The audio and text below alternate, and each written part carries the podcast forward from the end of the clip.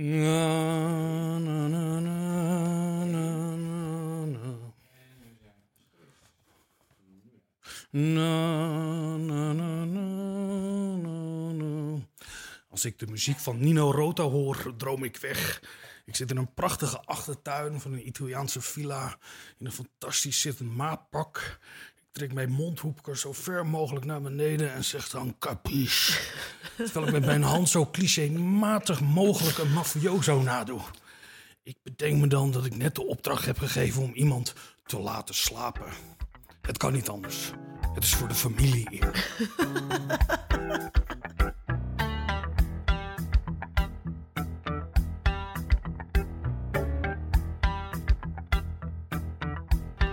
Vanuit Amsterdam is dit Onder Media Doctoren, de podcast waarin communicatiewetenschappers zich verwonderen over de media.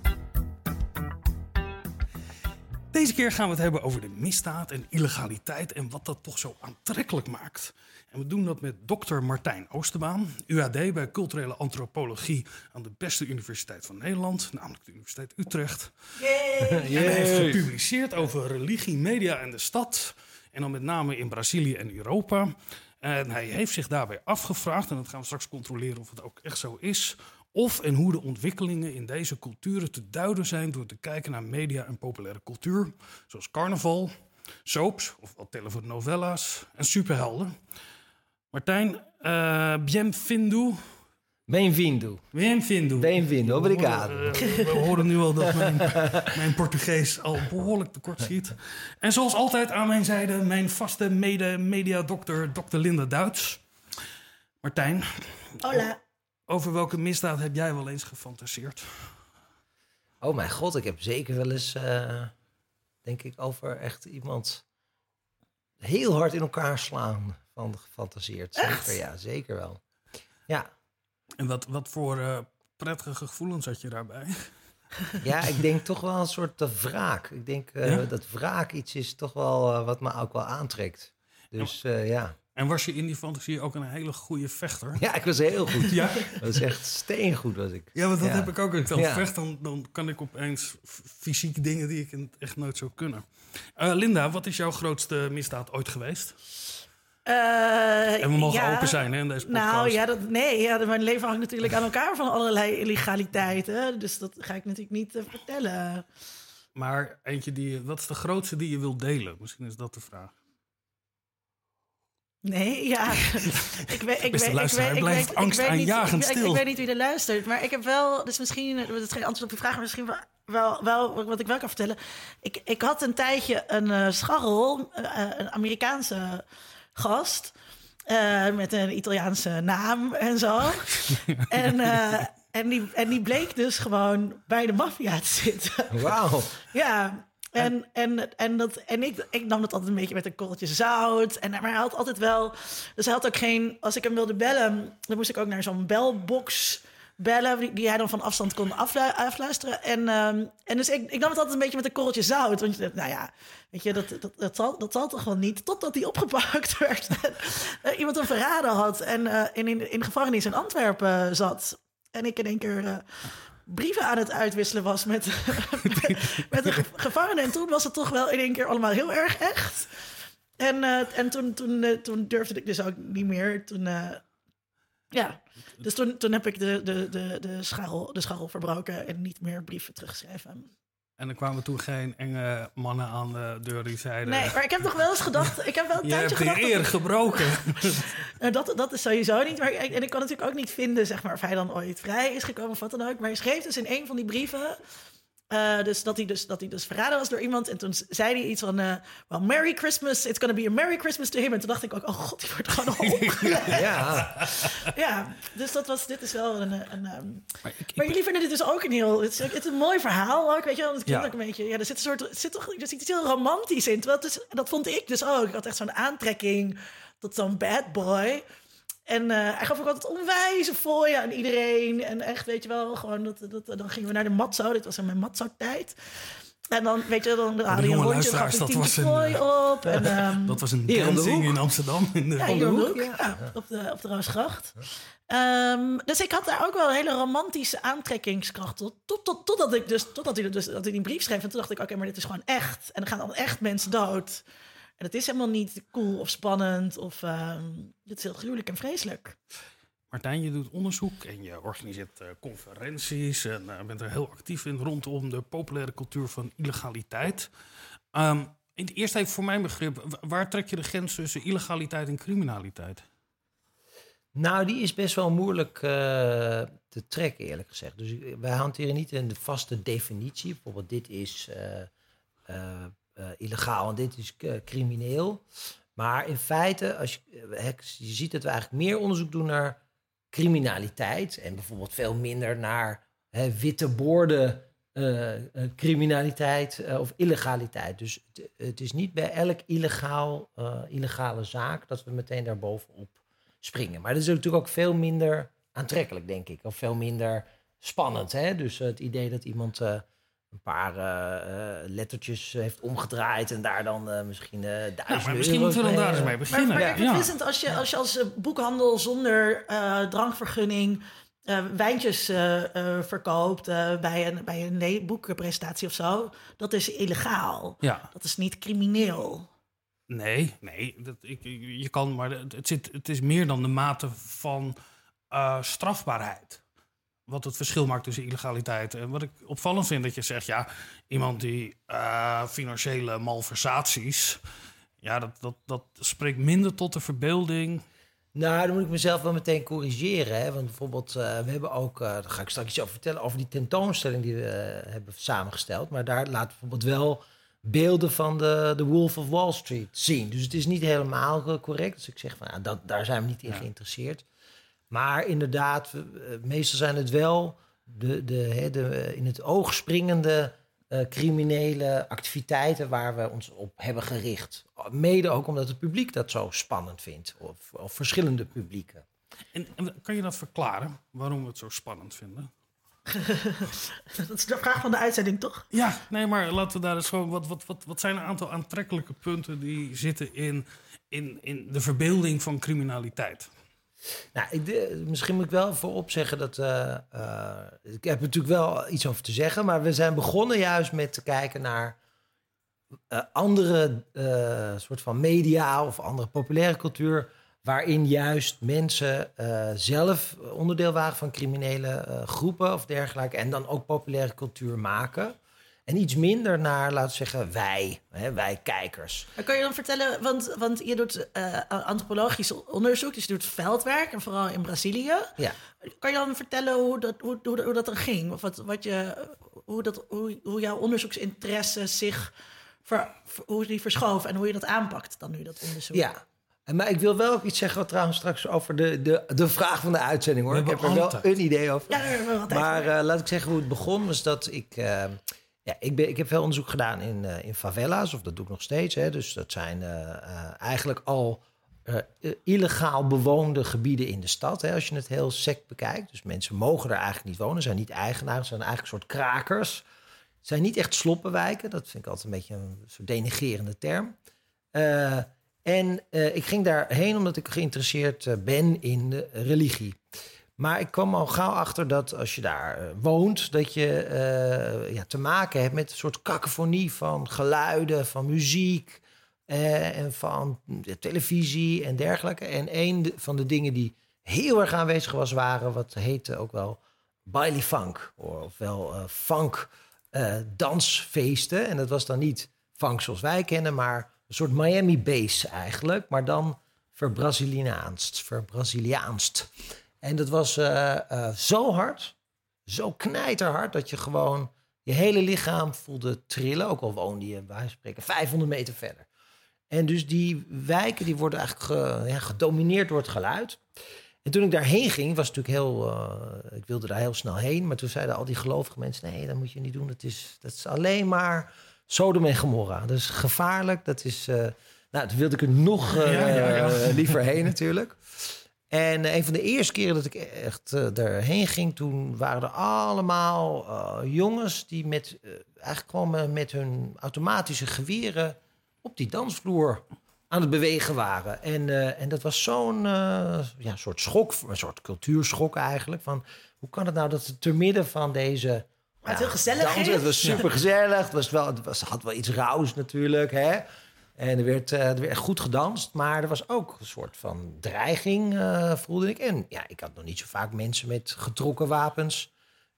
Ja, die zo een beetje heen en weer langs je dansen. Waarvan je niet weet, nou, ga, wordt dit schieten of wordt het, uh, wordt het uh, sexy dansen?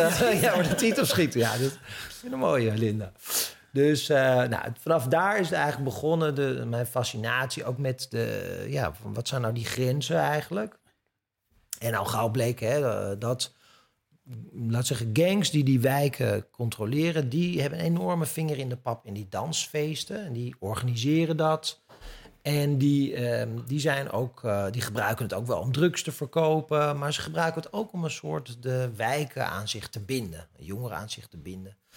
En ze gebruiken het ook om te zeggen, wij zijn hier. dus uh, bijvoorbeeld tegen de politie of tegen een andere gang. Dus ze zingen ook eigenlijk van... Hey, uh, pas op, wij zijn hier. Maar dat kan je dus ook voelen door de bassen. Ja, is zo letterlijk dat hoe, hoe, zwaarder de versterkers, dus de groter je territorium. Uh... Eigenlijk wel. Dus als je dus daar binnen loopt, ja, ik zou jullie graag een keer meenemen, maar dan, dan zie je echt rijen van boksen staan, maar zo groot, groter dan deze kamer, bij wijze van spreken. En ja, dat is een soort overweldigend letterlijk. Dominantie. Heel dominant, ja, precies. Ja. Nou, dus vanuit daaruit ben ik geïnteresseerd geraakt in van nou, hoe werkt dat nou samen? En natuurlijk, ik ging meer kijken vanuit de religieuze hoek. Dus ik bleef wel ook voornamelijk geïnteresseerd in waarom die, ja, in mijn geval dan die Pinksterkerkleden, dat zo, uh, hè, zo gevaarlijk vonden. Totdat ik er wel achter kwam dat al die mensen die dan uh, zeiden: nou, dan mag je niet naartoe, dan moet je niet heen gaan. Ja. Op een gegeven moment kwam ik, kwam ik je natuurlijk gewoon tegen daar. Hè? Of uh, dan zeg ik: wat doe jij nou hier? En dan, en dan zeiden ze: Nou ja, ik ben heel even. Ik heb even een break eigenlijk. Ik ben even. Ik, ik ga wel weer terug naar de kerk, maar ik ben even, even iets anders aan het doen. Ik moet even uh, iets anders doen. Even een soort roemspringa. Uh, ja. heb je ja. geloof ik in. Uh, maar, maar mag, ik, mag ik, ja, natuurlijk. Ja. Um, wat, ik, wat ik heel interessant vind, is dat je zegt... het is, aan de ene kant is, is, is het een soort vorm van, van presentie... Van, van territoriale afbaking en presentie. En aan de andere kant is het ook het creëren van de eigen afzetmarkt. Ja. Dat, dat, um, want drugsgebruiken, je gebruikt veel meer drugs als je aan het dansen bent dan wanneer je in je eentje voor de televisie zit. Ja. Dat, vind dat is wel, dat is wel, dat had ik nooit zo eerder bedacht, eigenlijk. Nee, dus, uh, en ja, hoe het werkt was ook dat er, dat was ook het moment dat, hè, normaal gesproken, uh, komt de politie al niet in dit soort uh, wijken, op, en, maar zeker niet op zo'n moment, maar het is ook een, wel een gevaarlijk moment, want er moet wel betaald worden aan de politie. Dus de politie komt eens in de zoveel tijd komt die, hè, de berg op. En dan zegt ze van nou, ja, je moet mij wel wat geven. Want dan kom ik niet op die vrijdagavond van jouw feestje ook met getrokken geweren uh, ja, dan, de heuvel op. En in die geweren, hadden die een, wat voor functie hadden die? Nou, wel iets meer. Uh, het wel zeker ja, symbolisch. Hè? Dus mensen, het is wel om te laten zien, wij zijn uh, gevaarlijk. Hè? Je moet niet met ons uh, sollen. Maar er wordt wel echt, uh, ik bedoel, er zijn echt vuurgevechten tussen, ehm, ja, laat zeggen, gangleden. Hè? Dus verschillende gangs tegen elkaar, maar ook politie en gangs. Dus het, het kan wel ook redelijk snel tot daadwerkelijk schieten uh, komen. Maar is het ook ter beveiliging van de mensen die naar zo'n feestje gaan? Dat die weten ook, we zijn hier veilig, want er zijn mensen met geweren die ons kunnen beschermen? Nou, dat is niet helemaal. Uh, de, de, er heerst wel een soort idee van. Uh, ons, er gaat ons niet zo snel iets overkomen hier. Dus dat, dat klopt wel een beetje. Maar iedereen die ik sprak, die was zich wel bewust van. Eigenlijk is best gevaarlijk zo'n feestje. Want die politie kan maar een keertje komen. Dus ik hoorde wel heel veel verhalen van ja, die en die is neergeschoten tijdens een feest. Of vaak vlak daarna, weet je wel. Dan was de politie, ging toch eventjes eh, de boel proberen te... En heb je dat schieten wel eens meegemaakt? Ja, ik heb wel eens meegemaakt, ja. Niet Vind ik- tijdens vind baile ik- hoor. Maar, Maar nu het natuurlijk ook wel zo. Dan denk ik, oh, ja. dat vind ik eigenlijk ook heel cool Ja. dat jij bij zo'n Ja. gevecht was. Nou, maar ik, ik was, ik, het dit was godzijdank niet eens zo heel heftig. Maar dit was tussen de politie en, en, eh, en eh, een paar van die jongens. Maar ik woonde ook op een strookje, waar, wat een soort... De, ja, het was een soort... eh, ja, het was een soort de, de, de hoofdader of de, de hoofdavenue van hoe die jongens eh, eigenlijk patrouilleerden. Dus eh, die gingen van de ene kant van favela naar de andere. Dus ik zat vaak op mijn stoepje en dan kwam er weer zo'n jongen langs eh, met, een- met zo'n dik geweer. En dan, eh, maar, eh, Maak je ja. even een babbeltje. nou, mensen zeiden ze, hoppa, hey gringo. En zei ik, hey, tot bon, tot been. Dat soort van even, dat van ik ben er, jij bent er, prima, we, we zijn oké, zoiets. Ja. Linda, we zijn direct gefascineerd. Wat is dat toch met, met, met misdaad? Ja, ik, ik denk dus dat het. Dat het ehm, maar dan spreek ik vooral. Ik kan alleen maar voor mezelf spreken in deze. Dat, het, dat, breaking the law is natuurlijk gewoon hartstikke cool. En, en tegen eh, gezag en autoriteit en de wet eh, ingaan. En je eigen plan trekken. En, en je niks aantrekken van eh, de oudere generatie en autoriteit.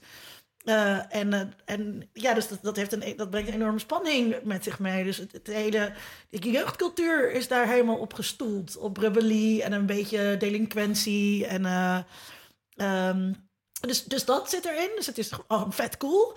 En, ehm, en ik, ik schrijf er ook een authenticiteit aan toe. Die er denk ik helemaal niet is. Maar het idee dat je dus je, je, je eigen weg gaat. En je niks aantrekt van de mores die er gelden. Terwijl dat volgens mij niet klopt, want er zijn weer eigen, eigen mores waar je aan moet houden en nieuwe regels. En het is gewoon een ander gezag eh, wat daar heerst dan, dan, dan het democratisch tussen grote Ja, er is ook geen klachtencommissie eh, gekozen gezag. Ja, maar ik denk, ik denk dat, dat, dat dat het is waar, waarom ik dat zo ontzettend aantrekkelijk vind. En jij? Nou, Val jij op? eh, is dit ja, een- ik kijk heel dit- graag naar, naar, naar crime dingen. Eh, v- vooral documentaire crime dingen. Maar wil je dan ook met die mannen naar bed? Dat, Nee, niet met die. Nee. Nee. Nee, maar ik wil, wel. dat zijn? zoals- ja, de, de, de- macht die ervan uitgaat om ergens eh, het, dat het onbenoemd is. Kijk, ik vind heel plat geweld met je, met je machinegeweer door een straat heen rennen. Dat is natuurlijk buitengewoon onaantrekkelijk.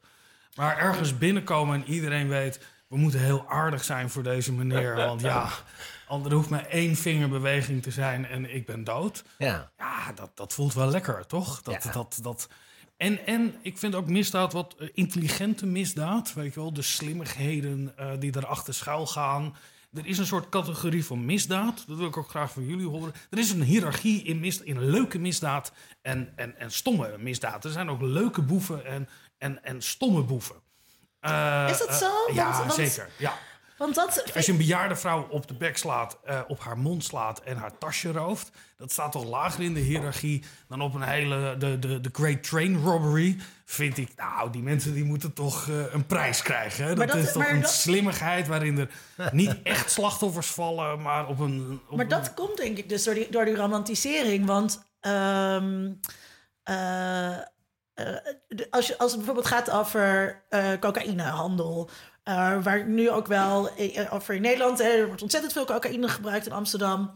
En eh, eh, dan zeggen politici, ja, mensen denken er niet bij na wat er eigenlijk allemaal achter zit. En toen ik in Colombia was, toen hing er in elk hostel een briefje met eh, eh, als je cocaïne gebruikt, dan eh, support je een systeem, eh, een, bloe- een bloederige oorlog eh, Ja. en, en al die dingen. Eh, en eh, dat, ver- dat vergeet je gewoon heel makkelijk. Dus je wil heel graag Scarface en al het stoere eh, zien. En je vergeet hoe die boeren uitgeknepen worden en, hoeveel mensen er daadwerkelijk sterven. En dat het eigenlijk helemaal niet cool is. Ja, komen we zo nog op hoor. maar dus ook die, die, die, bankroof van jou. ehm, Ja, er zijn mensen gewoon getraumatiseerd als u met een pistool op je gezicht staat eh, te mikken. Ja, dat, staat, dat als ik even Ja. doordenk. en ik onderling is er strijd en nijd en gaan ook Ja, mensen dat dood. staat, staat nooit helemaal op zichzelf. Ik, ik, ik vroeg mij af, eh, en ik weet het antwoord, dus ik ga het aan jullie vragen. Maar denken jullie dat er bepaalde tijden zijn eh, waar, waarin we meer crime-achtige populaire cultuur hebben dan in andere? En dan heb ik met name over onze veilige westerse wereld. Dan komen we straks op Brazilië. Bedoel je in het algemeen? Of Ja. bedoel je als in... eh, eh, dat Nou, we nu wel- in een tijd leven waarin het meer wordt. eh, Ja, denk je dat we Ja. nu meer crime, eh, meer in het crime genre gemaakt wordt dan vroeger? Ik denk dat dat een constante is. En dat eh, ik weet, want ik gaf een vak dat heet eh, History of Media Landscape. Daar heb ik heel veel geleerd over mediageschiedenis. Dat eh, in de 19e eeuw in Parijs het mortuarium open was. En daar konden mensen eh, naar de lijken gaan kijken. Met het idee van: weet jij iets van deze misdaad of kan je iets herkennen? Dat werd een enorme Ja. eh, attractie. Omdat bij de nieuwsberichten in de krant kon je dan het spektakel eh, van het lijk zien. Ja. Dus die aantrekkingskracht van true crime, die is er in ieder geval al sinds toen. Ja. En volgens mij is die nooit meer weggegaan. En het is ook niet gek dat het meest populaire podcastgenre ook dat van de true crime is. Ja, want Daarom gaat deze uitzending gaat ook zo be- goed beluisterd worden. Dat weet je nu al. Nou, ik, ik kwam een onderzoekje tegen voor wat het waard is hoor. Eh, waarin alles wat op IMDb verschijnt gecategoriseerd wordt naar genre. En in de afgelopen tien jaar is het zo 6, 7 procent eh, valt in de categorie onder het genre crime. Maar in 1950 was dat 17 procent. maar is dat alleen film of is het ook tv? Het is vooral film. Want je Eh, hebt nu bijvoorbeeld, er zijn nu heel veel series Ja. over, over crime. Nou, misschien komen we daar later nog op voordat we. Maar dan eh, denk jij dat het, dat het een golfbeweging is of dat die aantrekking gewoon redelijk constant is? Weet je, Nou, ik, een hele- ik, ik heb wel het idee dat er een, eh, zeker qua kwantiteit, dat, dat, er enorme ja, soort eh, versterking is of vergroting van het aanbod. Maar dat is echt een idee. Maar misschien komt het ook door de verschillende genres binnen crime en ook weer de verschillende kanalen die we kunnen zien. Maar ik, dat, volgens mij is een heel mooi stuk waar je aan refereert, hè, van, eh, van dit mortuarium. Ik, ik vond het ook een heel mooi stuk. Hè, dat, eh, en dat zegt ook over de reality effect, als ik het me goed herinner, van hoe eigenlijk eh, zo'n mortuarium samenspeelt met kranten. En Ja. inderdaad, dat er een soort versterking is eigenlijk van je, eh, van je beleving. En, Ja. eh, eh, dus ik, ik ben wel met je eens hoor, dat we niet moeten overdrijven van, nou, we worden, het is nu crime voor en na. Eh, maar ja, eh, Want een van de meest vredelievende tijden in de filmindustrie waren de vroege jaren 40 in Europa. Toen werden heel weinig crime ja, films gemaakt. had dat iets te maken met dat er de industrie eh, nogal gedomineerd werd door één... filmhistorici op om hier een verklaring voor te geven. ja. Eh, maar toen was daar heel weinig Ja. aandacht voor, vreemd Ja. genoeg. Ja. Ja, Misschien was het gewoon een hele Ja. rustige, niet zo gewelddadige tijd. Precies. Ja, Ja, dat was, was ook de heerste orde. Voornamelijk was dat een hele... orde. Ja, Dat, eh, dus eh, ja. wat Ja. maar weer betekent Ja. dat als... Nou ja, nee, we gaan... eh, eh, Klaar maar ik wil onze nog even over hebben Ja. over die, die, die hiërarchie van misdaden. Ja. Eh, in, in, in, in hoe we dat wegen. Kijk, we weten allemaal in gevangenissen dat als jij een bepaalde misdaad hebt gepleegd... eh, als jij kleine kinderen hebt gezeten of vrouwen hebt vermoord, dan heb jij een slechtere tijd dan als jij gewoon de kingpin eh, bent geweest van een eh, groot netwerk. Ehm, hoe, hoe kunnen we dat duiden? Nou ja, ik denk sowieso dat er... Dat, dat, dat er eh, je- wij ze hebben het natuurlijk over crime, maar eh, er, er, hè, het is een heel gelaagd soort wereld van... jij begon al over jouw eigen ervaringen, over codes, over eh, hè, wat je wel en niet doet. En elke organisatie heeft natuurlijk zijn eigen eh, codes. En het is raar om te denken dat alle criminelen immoreel zijn. Dat is natuurlijk niet het geval. Dus er is binnen eh, hè, een gegeven organisatie zijn er ook ideeën. En dat kan zijn, ja, je zit niet aan kinderen of oude vrouwtjes. Maar dat kan ook zijn, nou, dit is een beetje een laffe... hier stijg je niet mee in de hiërarchie. Ja. Of hier eh, eh, hè, laat je niet meer zien dat je nou een intelligente dude bent. Maar eh, ik denk voor ons dat, daar, dat dat ook geldt. Dat we een beetje denken, nou, geen slachtoffers. Hè? Dat zei jij net Ja. al. Van, eh, van, eh, het is mooi als er geen slachtoffers vallen.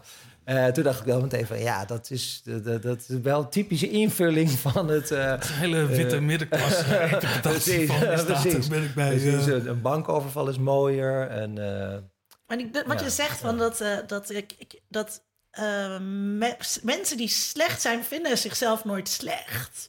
Dat, dat, dat is. Eh, eh, dus ook die jongen waarmee ik was, ja, die, die verzin, verzon voor zichzelf redenen waarom het oké is om onderdeel te zijn van, van zo'n georganiseerde misdaad, Ja. misdadenbende. Ehm, en dat is bijvoorbeeld ook heel interessant in The Sopranos of in Breaking Bad, dat het heel erg gaat over eh, de gelaagdheid in karakter in zo'n persoon. En dat dat niet zomaar slechte mensen zijn, Ja. maar die neergezet worden als heel, als heel begrijpelijke mensen. En zeker bij Breaking Bad je, je, je gaat er helemaal in mee eigenlijk waarom hij dat carrièrepad heeft gekozen. Zeker aan het begin, in het eerste seizoen. denk je, nou, nou oké, dat is ook logisch. En ja, hij had ook een uitzichtloos bestaan. En, en hij zat met die kanker. En, uh, en, uh, en maar op een gegeven moment maakt hij steeds keuzes. En denk je, oh, maar gaan we nu niet te ver? Dat denkt hij zelf ook wel. Dus je, wordt zo bij je hand genomen. Waarom die, dat is denk ik ook waarom die series zo aantrekkelijk zijn. Um, en, en wat wij dus ook een verkeerde conceptie hebben van slechte mensen.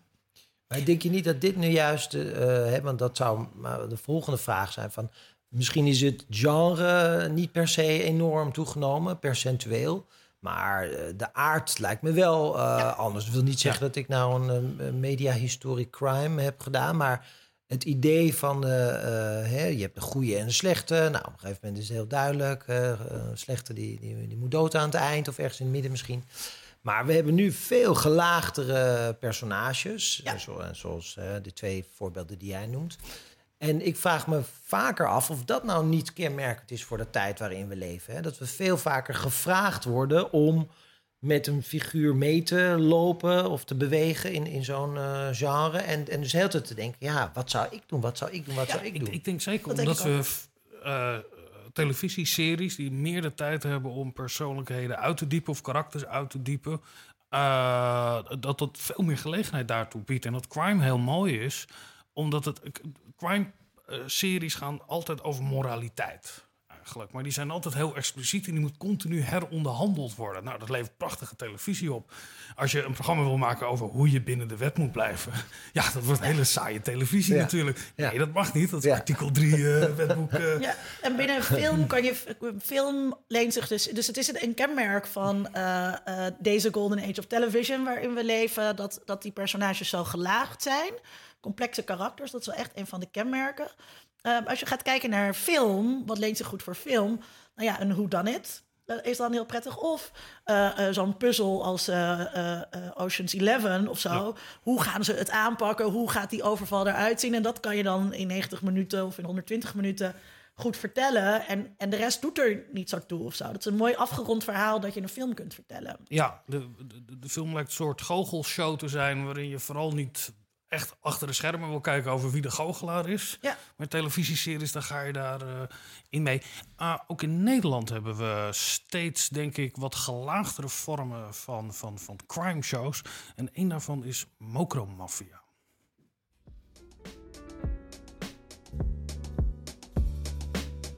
Ik ben Marijn Schrijver, journalist en uh, auteur van het boek Mokromafia. In 2012 brak er een uh, onderwereldoorlog uit in Amsterdam uh, van een nieuwe generatie criminelen. Daar heb uh, ik samen met mijn co-auteur Wouter Laumans onderzoek naar gedaan. En dat heeft ertoe geleid dat we in 2014 een, er een boek over hebben geschreven, omdat het zo complex werd dat het niet meer in tijdschriftartikelen allemaal te vertellen was. En het boek gaat eigenlijk over die nieuwe generatie jonge criminelen die, die veel grof geweld gebruiken. Uh, vaak van Marokkaanse afkomst zijn. En, en, het is een nieuwe generatie die je ziet in Amsterdam. Uh, woonde op dat moment in Amsterdam-West, in Bos en Lommer, uh, waar het zich afspeelde. Jongens uit die wijk werden op dat moment met grof geweld vermoord. En ik merkte dat het in die wijk speelde en, en ik kwam jongens ook te kennen. En ik wilde dat verhaal uitzoeken. voor mij ging het ook heel erg om die maatschappelijke kant. Hoe kan het dat jongens van, van 19, 20, 21 jaar uh, met Kalashnikovs uh, op weg gaan om, om anderen af te schieten.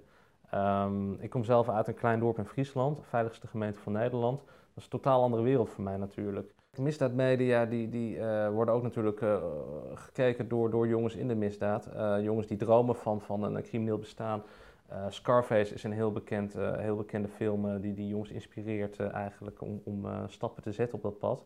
Uh, Ride Benniam, die wij beschrijven in Mokkelmafia, die had een uh, ander, uh, andere film, eigenlijk een miniserie die hem inspireerde. Dat was Corleone. Dat is een Italiaanse miniserie, gaat over Totorina, die op, hoe noem je dat in Italië, de, de maffia-baas wordt op Sicilië. eigenlijk een, een, hele saaie serie. Er zit eigenlijk niet zoveel en zoveel actie in. maar, maar die keek hij maar door en door, steeds opnieuw. Um, en, en dat heeft hem wel degelijk ook, ook geïnspireerd uh, om, om uh, de criminaliteit in te gaan. Ja, wij, wij kiezen voor het uh, persoonlijke verhaal om dat te vertellen, omdat juist op het moment dat wij Mokkelmafia schreven, waren jonge Marokkaanse misdadigers. Die kenden de meeste mensen in Nederland alleen van opsporing verzocht. Rida Beniem die, was een overvaller. Die werd gezocht. Er was zo'n mugshot van hem. maar, maar niemand had enig idee waar hij vandaan kwam, uh, welke kansen hij uh, niet kreeg, uh, wat, wat dat hij werd geronseld bijvoorbeeld vanuit, vanuit de zware misdaad. Dus dat hij ook niet alleen ervoor koos van ik ga dit nu doen, maar dat er ook zware misdadigers zijn die juist op zoek zijn als een soort loverboys naar, naar jongens die bereid zijn zulke dingen te doen. Dus ik dacht, ik denk dat het heel belangrijk is om juist van die jongens wel het persoonlijk verhaal te vertellen. Uh, omdat dat extreem onbekend is, uh, zeker buiten Amsterdam, maar ook in Amsterdam. Je hebt gewoon parallele uh, werelden die langs elkaar heen leven in wijken als West. Um, dus vandaar dat wij het persoonlijke verhaal hebben gekozen. uiteindelijk beschrijven wij in Mokromafia en in andere artikelen ook ehm, jongens die hun enkelband afknippen. Serieus, als je kijkt naar liquidaties en liquidatiepogingen die wij beschrijven, je ziet zo vaak dat de jongens eigenlijk vast hadden moeten zitten op het moment uh, dat, dat ze die plegen. Dus, dus als je wil kijken naar uh, wat kunnen we er tegen doen, uh, misschien vanuit strafmaat of, of maatregelen, dat, dat zit er ook in. Je hebt misdaad, films en series die duidelijk een inspiratie kunnen vormen om, om als je crimineel wil worden, dat je daaruit inspiratie put. Um, hoewel bijvoorbeeld zo'n film als Scarface Ehm, dat is niet alleen omdat, het, omdat hij misdadiger is, dat het een goede film wordt gevonden door uh, uh, jongens uh, uit zo'n wijk. het heeft ook iets over te maken met, met invechten in de samenleving. Ik, ik ken ook politici die Scarface hun, hun, favoriete film vinden en daar inspiratie uit halen. Het, soms wordt gedacht, het is alleen de misdaad in Scarface die aanspreekt. Het gaat veel meer over een, een, een jonge uh, Cubaan die, die uh, zonder uh, wat dan ook in Amerika komt. En allemaal kansen ziet om, om misbruik te maken, om zichzelf naar boven, op te, naar boven te werken.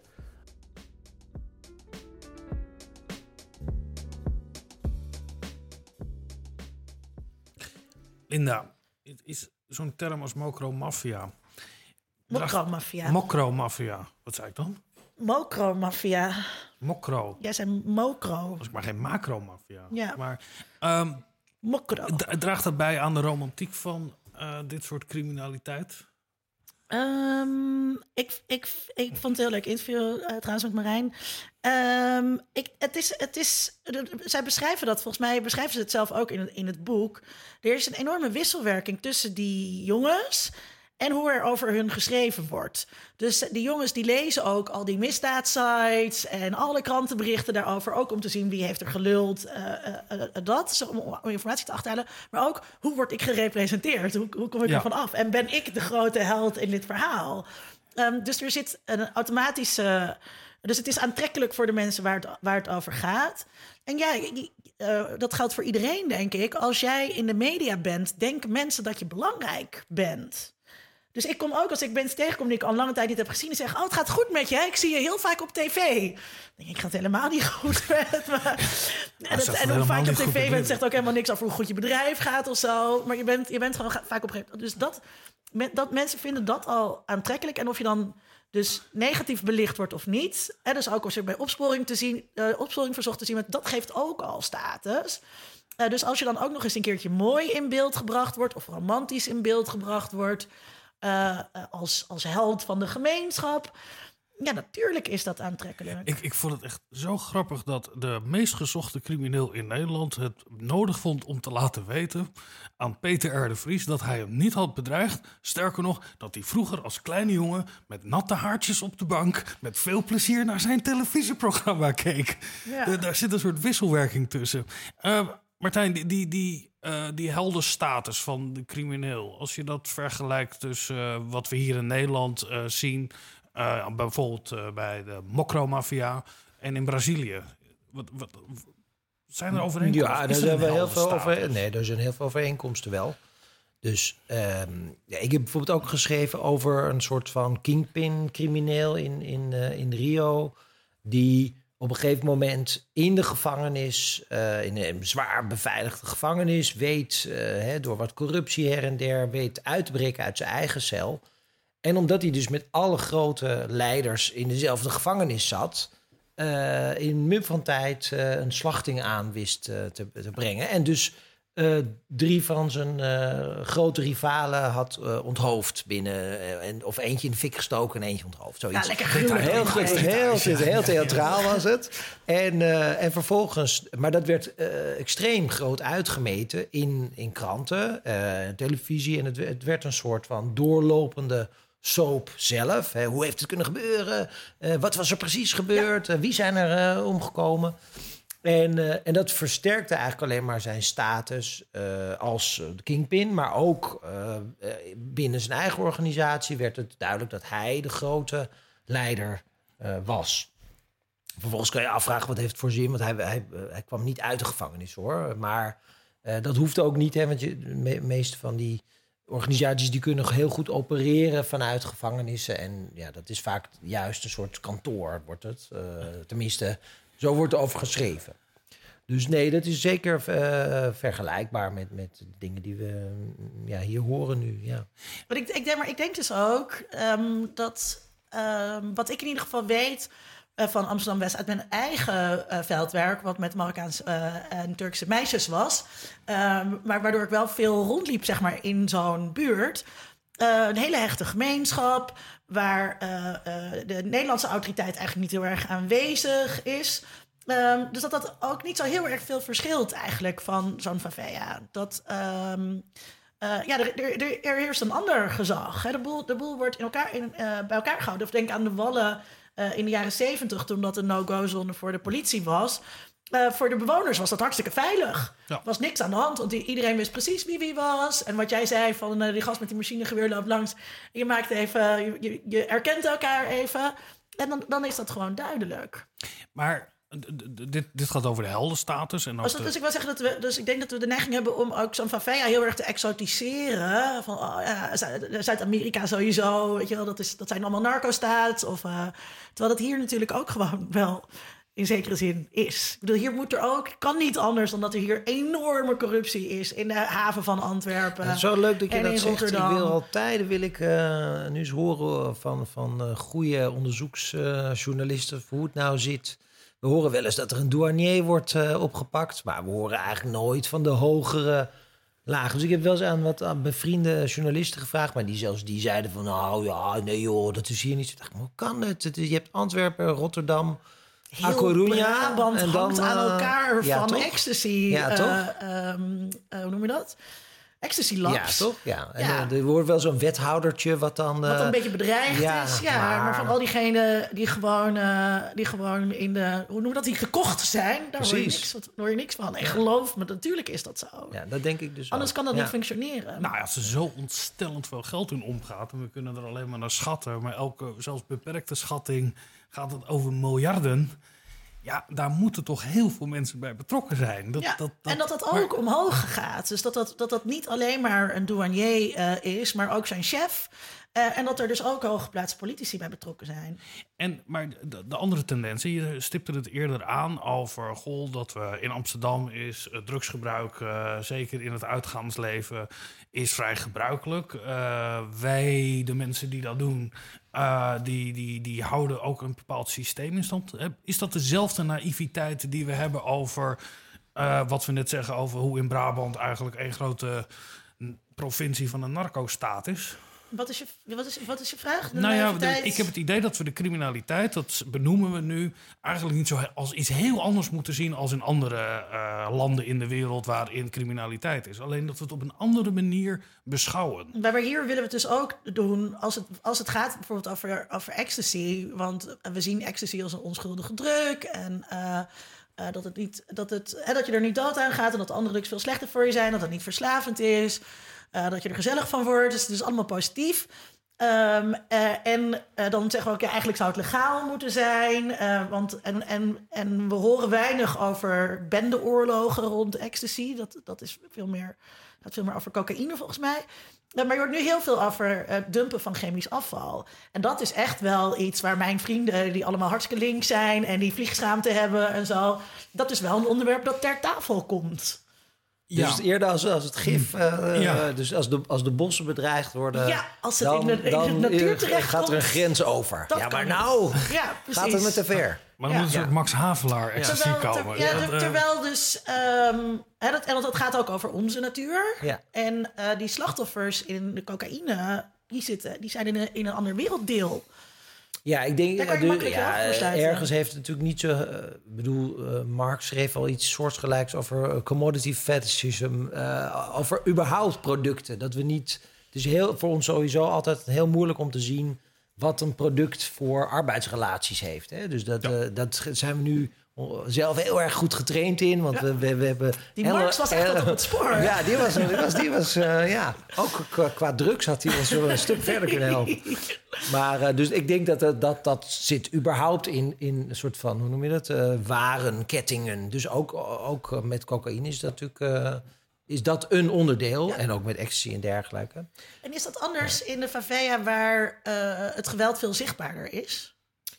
Nee, dit niet. De, de, wat jij net vertelde over Colombia, dat herken ik heel erg van, eh, van, van Rio en van Brazilië. Dus het idee van eh, ehm, er moet duidelijk gemaakt worden aan iedereen dat je niet kan denken dat jij buiten eh, hè, dit, de- deze ellende opereert. Dat jouw acties er direct aan bijdragen, dat er wapens gekocht kunnen worden van jouw geld die weer mogelijk maken dat die territoria verdedigd worden die vervolgens jou eh, bedreigen. Hè? Of dat mensen die roepen, oh die vreselijke favelados die, eh, die zijn gevaarlijk, maar daar heb je dan zelf aan bijgedragen. Hè? Ja. Dat, is, dat lijkt heel erg hierop. Ehm, maar ik denk, eh, ja, ook wat jij net zei over van binnen favelas, dat is ook heel erg, lijkt heel erg op het verhaal wat je net vertelde. Hè? Dus mensen voelen zich eigenlijk extreem veilig. Hè? Dus diegenen dus die niet naar die bailifanken, naar die feestjes gaan, die zeggen gewoon, ja, ja, het is prima hier, ik ken iedereen. Maar ze zien wel eh, go- goed genoeg ook wat, de, wat de, de ellende is. Dus het is niet een kwestie van dat ze helemaal eh, denken, nou, niks aan de hand. Hè? Dus Ja. pais en vree.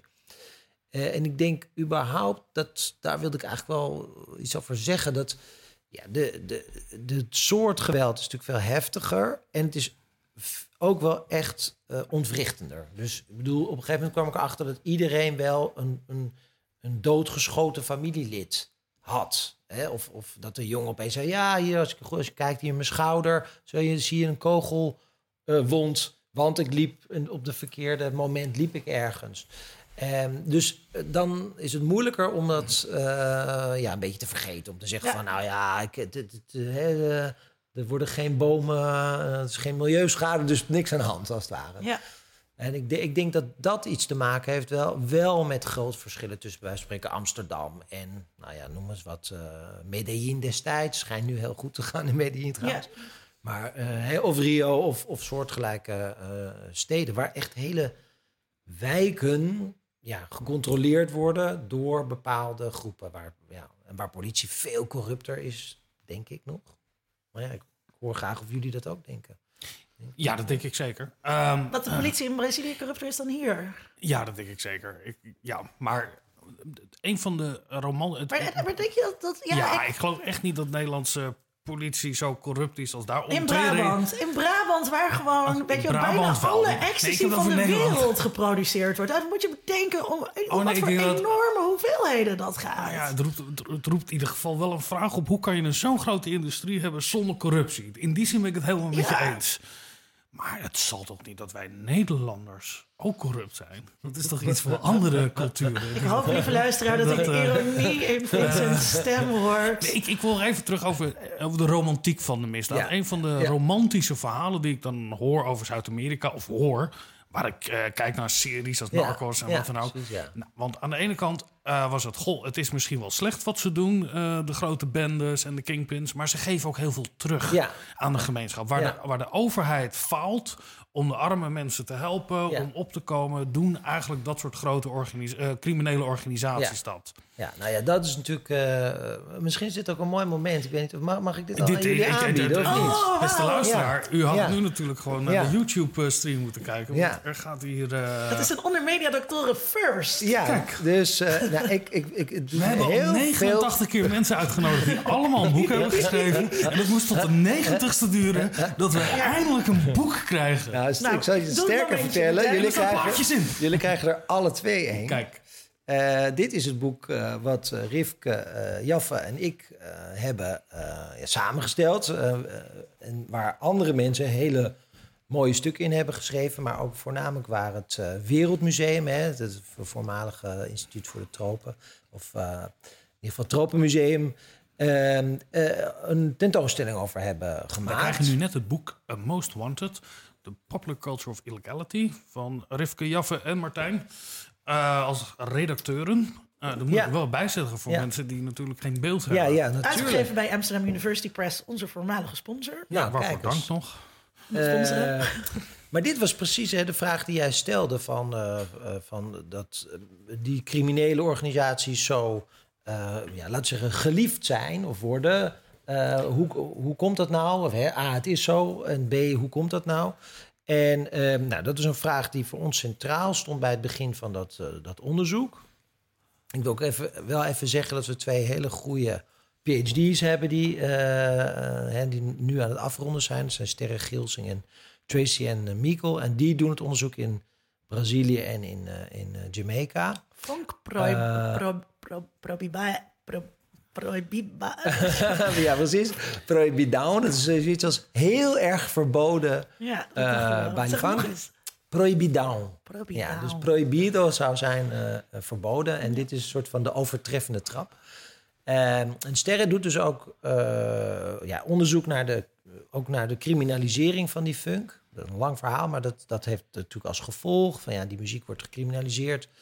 En ook weer hoe de politie daar op probeert ook af en toe dat weer toe te eigenen. Hè? Dus zal, zou zoiets zijn als dat de politie rap gaat maken, als het ja. ware. Hè? Dat is een beetje wat uh, daar kijkt zij dus uh, nu nog momenteel naar. Maar de grote vraag voor ons ging... Van, nou, er wordt veel vaak geschreven over dit soort bendes... in termen van, zij zijn eigenlijk de substituut van de staat. Hè. Zij geven je wat geld als je je huur niet kan betalen een keertje... of als je me, je oude omaatje heeft medicijnen nodig... dan krijgt ze wat medicijnen. Zo. Dat is een, een beeld. Ander is dat ze, dat ze in feite de beveiliging van een wijk doen... Wij zijn, oké, dat is prima, dat geloven we wel, maar wij zijn eigenlijk meer geïnteresseerd in juist wat daar omheen zit. En dat uh, gaat een beetje over de titel. Hè? Dus Most Wanted heeft natuurlijk dat dubbele. Ja. Het zegt van je bent de meest gezochte, maar je bent ook de meest geliefde. En hoe komt nou, waar komt nou dan die liefde voor die criminelen vandaan? Nou, die komt dus deels ook wel wat wij zeggen van door een soort uh, uh, ja, rand, misschien fenomenen, zou je in, eerste instantie zeggen.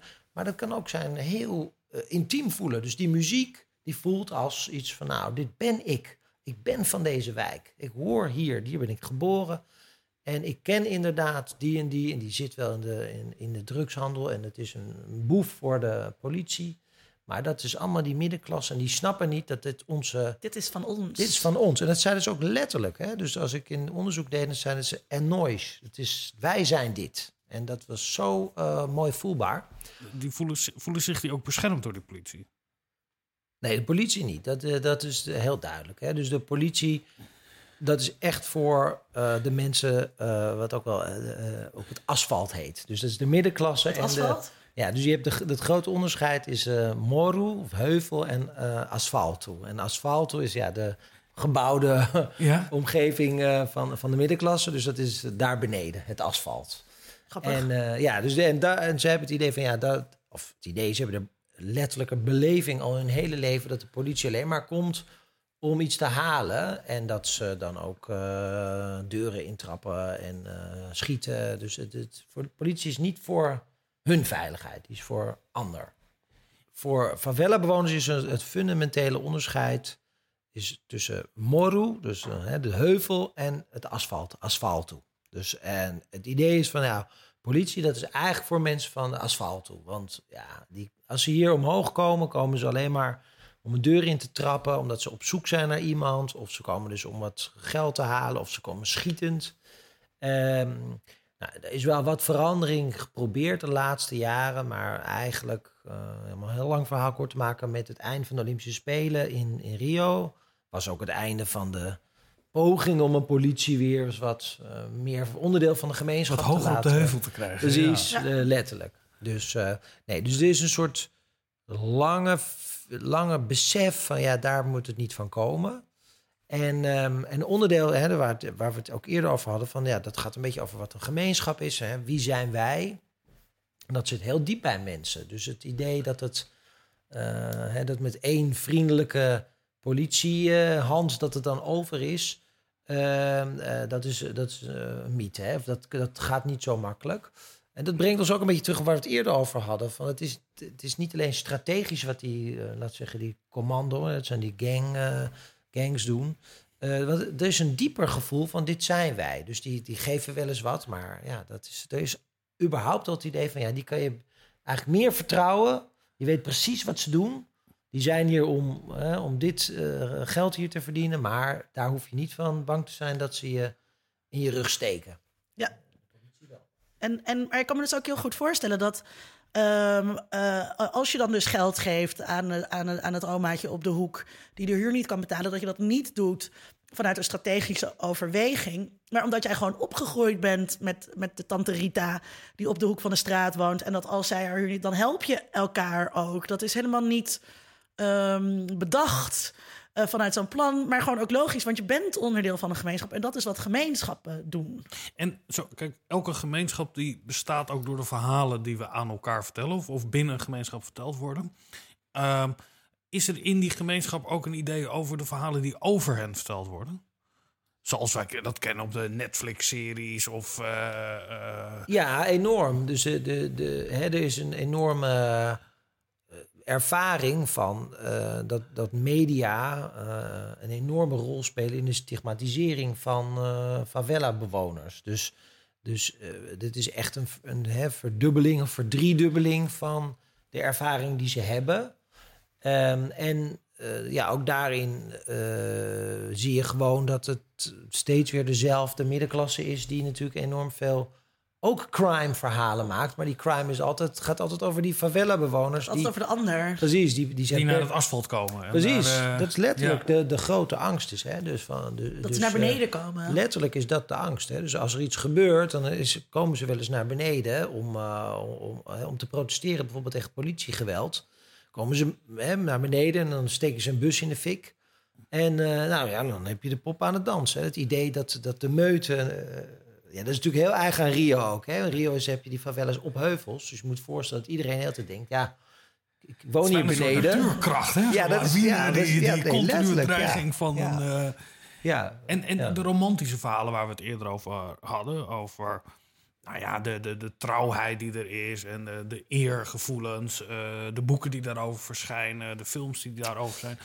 Ja dat is. zij zich ook ja. aan Scarface? En, eh, Nou, deze niet, hè? Dus eh, ik, ik, Of aan, de Braziliaanse varianten daarop? Nee, eigenlijk is dat niet per se. eh, dit, dit werkt wel echt anders in deze context. Terwijl we wel ook eh, in andere contexten wel hebben gezien dat dat soort Scarface. Het is bijna een universele genre geworden van, eh, van, van criminelen, eigenlijk, denk ik. Dus het is echt niet alleen in Nederland of in, eh, hè, eh, in, de, United States, la la la. Ja. Maar, maar in dit geval niet. En het is meer dus die, die muziek.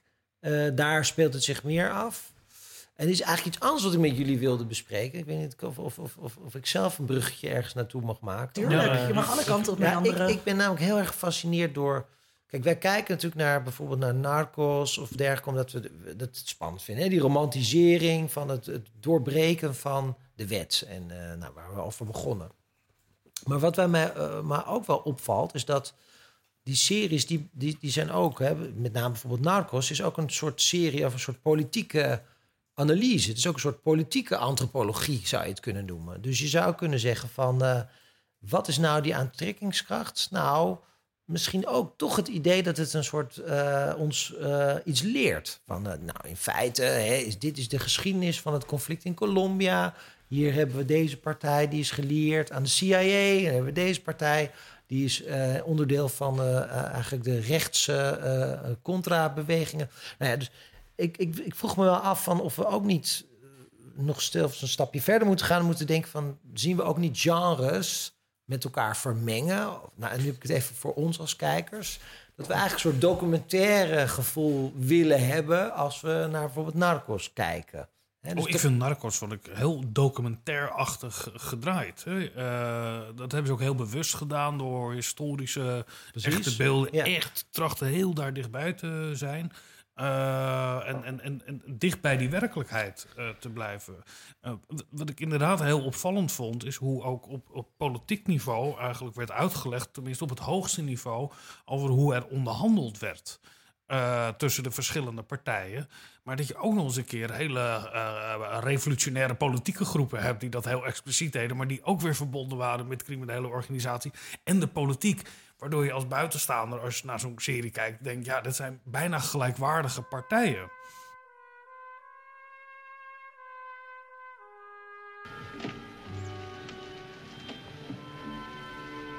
Leave the gun. Take the cannoli.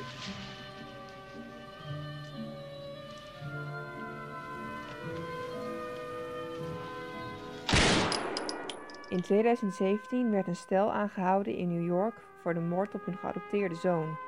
De vrouw en man werden aangeklaagd voor de moord en het in brand zetten van hun huis om het als een ongeluk te laten lijken. Later zeiden ze tegen de politie dat ze het idee voor de moord in de brand kregen terwijl ze de film Manchester by the Sea keken, waarin een brand de levens van drie kinderen nam. De invloed van media op de gebruikers ervan blijft discutabel.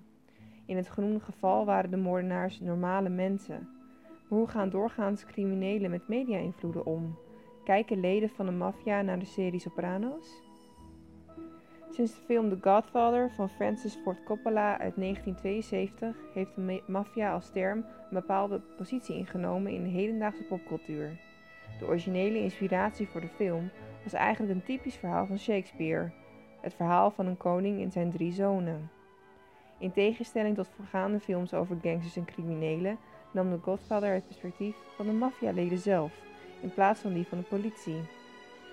De serie Sopranos, die begon in 1999, verbeeldde de maffialeden ook heel gedetailleerd. Door de immense populariteit van deze film en serie zien soortgelijke criminelen deze media als instructiefilmpjes. In 2007 meldde Natasha Moradian, de vrouw van crimineel Fathead, hem met de boodschap dat hij niet zo arrogant hoeft te doen zoals Tony Soprano.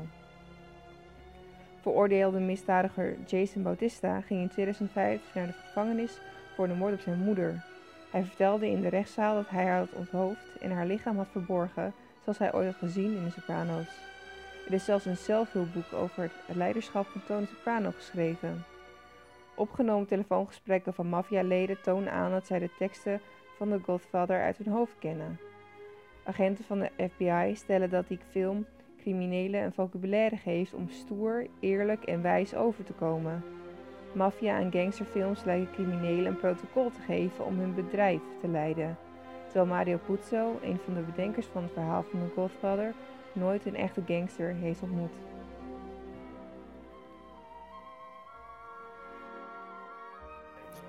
Ja, ik denk dus dat het over macht gaat. Um, en, en dat, uh, dat uh, ik, ik kan me ook zo voorstellen dat er allerlei mensen kijken die denken: kan ik hier iets uithalen over leiderschap? Uh, en hoe je mensen dus bindt. En, en dat, dat je dat dan straks ook in je baan als bedrijfsleider bij de Rabobank kan, gaan, kan gaan toepassen. Als onderwijsdirecteur. En, ja, als onderwijsdirecteur. Ja. ja, en, dat je, en dat je jezelf op die manier in, die, in die schoenen verplaatst ja. ook. Um, ja, dus ik, ik denk dat zeker. Ik denk uh, um, dus dat, dat het, dat het in zekere zin educatief um, is. En, en het is natuurlijk ook. De, de, die aantrekkingskracht van, van, die, van die illegaliteit. Hoe werken dingen, zeg maar. En dat is ook wat ik dus een beetje in, in Mexico had. Zo'n wereld die eigenlijk voor je verborgen is ja, willen weten hoe dat dan in elkaar zit. En dan verrast zijn, terwijl het eigenlijk niet verrassend is, dat die wereld net zo functioneert als de legale wereld. Dat, het hele, dat, dat de ander helemaal niet zo anders is. Dat zit er denk ik ook heel erg in. Ja, het zijn uh, botsende systemen van legaliteit. Ja. Hè, waarbij de ene misschien een soort erkenning heeft en de andere niet, maar die net zo gelaagd is en net zo uh, uh, goed, uh, de, de? De, de, toezicht die er is op de regelgeving is heel sterk. En dan, ik bemerkte wel dat ik me bij Narcos ging kijken van... ja, oh, hij bouwt zijn eigen gevangenis of wat dan ook. Wat zijn er toch een gekke mensen daar in, in dat verre Zuid-Amerika. Dat kan daar allemaal. eh, die verbazing dat je ook wel een perspectief krijgt van een, van een gringo eh, in dit verhaal, vond ik ook wel weer typisch. Omdat daarmee eigenlijk vanuit. Je, je- het verhaal wordt verteld vanuit de normaliteit van de Westerling die kijkt naar de wat witte daar blonde. Amerikaan Precies. die daar naartoe gaat. En- en die een heel herkenbare vrouw ook heeft. Want zij is juf, geloof ik, of zo. Ja, Ja. en zij is bezorgd en zij gaat natuurlijk nog wel van de normale waarden uit, maar wat daar gebeurt. Eh, dus het- ik vond het wel op het randje zitten van ja, een, een soort exotisme wat Ja, er achter schuil dat vind ik ook gaat. wel, dat vind ik wel, wel problematisch eh, daarin. En, dat, en ik neem aan dat jij dat ook hebt. Ja, ja, zeker. En ja. dat het, dat het daarom zo eh, interessant is om een boek als Mokka Mafia eh, te lezen. Waar ook een serie van is gemaakt, maar die heb ik, die heb ik nooit gekeken. Eh, en, maar dan zit dat exotisme er ook een beetje in. Van het is net een andere buurt of zo. Of het is wat Marijn ook zei, het is een parallele samenleving. We willen het heel erg niet als onderdeel van onszelf zien. We willen daar toch. En dat is ook wat ik natuurlijk als keurig meisje had. eh, met die gast waar ik het aan het begin over had. Ehm, ja, het, het is wel de bedoeling voor ons keurige asfaltbewoners... eh, dat, het, dat het ook niet onze wereld wordt. En, en wat, wat, me denk ik misschien ook confronterend is... is om te bedenken dat eh, bij ons in het, in het gereguleerde bedrijfsleven... of in onze familiestrijden die er zijn... we natuurlijk precies dezelfde dingen doen. Verbanden smeden, allianties eh, maken voor wat hoort wat... seks inzetten om iets gedaan te krijgen. Ja, dus het is misschien ook... Dus we willen ons vergapen zeg maar, aan de exotische cocaïne-aapjes. Ehm, maar tegelijkertijd denk ik dat we ook wel weten dat wij, zo, dat wij net zo zijn. Ja, Ja. Frederik wil iets toevoegen, maar je Kom wil maar, in de microfoon naar de praten, microfoon, Frederik. eh, Frederik. Kom maar even, kom maar hier even. wel in de Ik microfoon kom er gezellig eventjes naast zitten. Ehm, we hadden het net over die eh, soort contrast tussen documentaire en dan eigenlijk fictie. Hè? Dat we eigenlijk zo'n gevoel willen hebben van dat als we naar iets kijken, dat we zo van hoe werkt het en is het echt zo? Eh, Netflix heeft nu een ehm, documentaire over Ted Bundy, de bekende seriemoordenaar uit eind jaren 70. En ik denk dat het die heel goed illustreert dat we heel graag willen dat we weten hoe het werkt. Want in die documentaire horen we Ted Bundy ook echt eh, praten erover. Maar toen een paar maanden later kwam er dus een, eh, een, fi- een film uit, gebaseerd weer op het onderzoek van die regisseur. Met populaire high school musical acteur Zac Efron in de hoofdrol. En omdat Ted Bundy natuurlijk een hele charmante, intelligente man was, maar wel echt meer dan 30 vrouwen heeft vermoord, dat mensen zeiden van, ja, maar Zac Efron is hier helemaal niet de goede persoon voor. Mensen willen niet dat hun geliefde, charmante, nou, eigenlijk een beetje een kindster acteur, dat die, eh, dat dat zeg maar een moordenaar kan zijn. Want in die film is hij dus echt wel heel goed. Dus ik denk dat die romantisatie van eh, criminaliteit in het algemeen, we hebben het natuurlijk niet over een grote eh massa-organisatie, dat zeker om daarnaar te kijken, dat we eigenlijk zo dicht bij de realiteit willen komen. Maar als we daar dan zijn, dat we eigenlijk weer denken, oké, nou, nee, dat, dat hoef ik En eigenlijk dat vind ik heel zien. mooi dat je dat zegt, want eh, ik, ik, ik vraag me dus ook heel vaak af van precies waar is dan die, dat, dat, dat grens? Hè? Dus een soort trechter is het, hè? ervaar ik het wel eens, van we worden langzaam verleid om die grenzen steeds een beetje verder te denken. Hè? Maar de vraag is heel erg van, eh, gaan wij ook eh, uiteindelijk eh, onze grenzen verleggen en gaan wij ook dit een keertje doen, omdat we denken, ja, ik heb nu gezien dat het toch allemaal wel wat ambivalenter is, et cetera. Of doen we inderdaad wat jij nu heel mooi schetst. Als het puntje letterlijk bij het paaltje komt, dan schrikken we terug. Of tenminste, dat, dat vraag ik mezelf heel tijd af. Dan zou ik Ik, ik begrijp je niet helemaal. Wat bedoel je met het puntje bij het paaltje? nou, eh, dus heel veel van dit soort. eh, we worden gevraagd de hele tijd na te denken over. eh, wat Linda net zei, eigenlijk van. Nou, zo anders is het niet dan wat er in mijn familie gebeurt. Alliantietje hier en een beetje seks daar. En, maar er wordt op een gegeven moment. eh, in die series worden de mensen natuurlijk. eh, omgelegd, hè? zoals Ja. jij begon in deze, deze uit. Ja, precies. Hè, dus, eh, Flik met de. Ja. dus, we, dus ons, ons, misschien onze fantasie Snitches, gaat ver. ja, Oh, ik kan een heleboel... eh, ja. Nee, eh, maar eh, de vraag is natuurlijk of, of jij daadwerkelijk een keertje eh, zo ver zou gaan als, hè, als, je, als jij echt aan die knop zit. Of je dit zou eh, kunnen. Wat, wat, Nou, ik denk, weet je wat ik denk, Marlijn? Dat wij, eh, en nu gaan we meanderen wel een beetje, maar dat we heel veel van dit soort eh, eh, de, die, die, de, de Willetje macht die wij hebben, dat we die in een heel goed systeem hebben geplaatst. En dat doen wij in BNO-gesprekken. En dat doen wij in... Daar spreekt de onderwijsdirecteur. en dan zeg je, dan, dan krijgt niet iemand een paardenkop in zijn bed, maar die krijgt dan. Ja. We zijn teleurgesteld en Ja. je, krijgt een, je moet een verbeterplan schrijven. Ja, Dus we hebben dat, al die, die nijd en druk en wat dan ook. En dan ook nog eens een keer met eh, de wet achter ons, die zegt van ja, we- dan moeten we dossiervorming doen. ja. Nee, je, je raakt niet achter, achterin een, een kofferbak van een of andere oude Mercedes. Nee, er wordt, je hebt een gesprek met HR over. Misschien kunnen we toch wel beter met jou naar een transitievergoeding Ja. eh, toe gaan. Ja. Ik zie nu Ik zo denk- ik een dat daar- vormen waarin dus zo iemand dan gewoon wraak gaat nemen op de onderwijsdirecteur.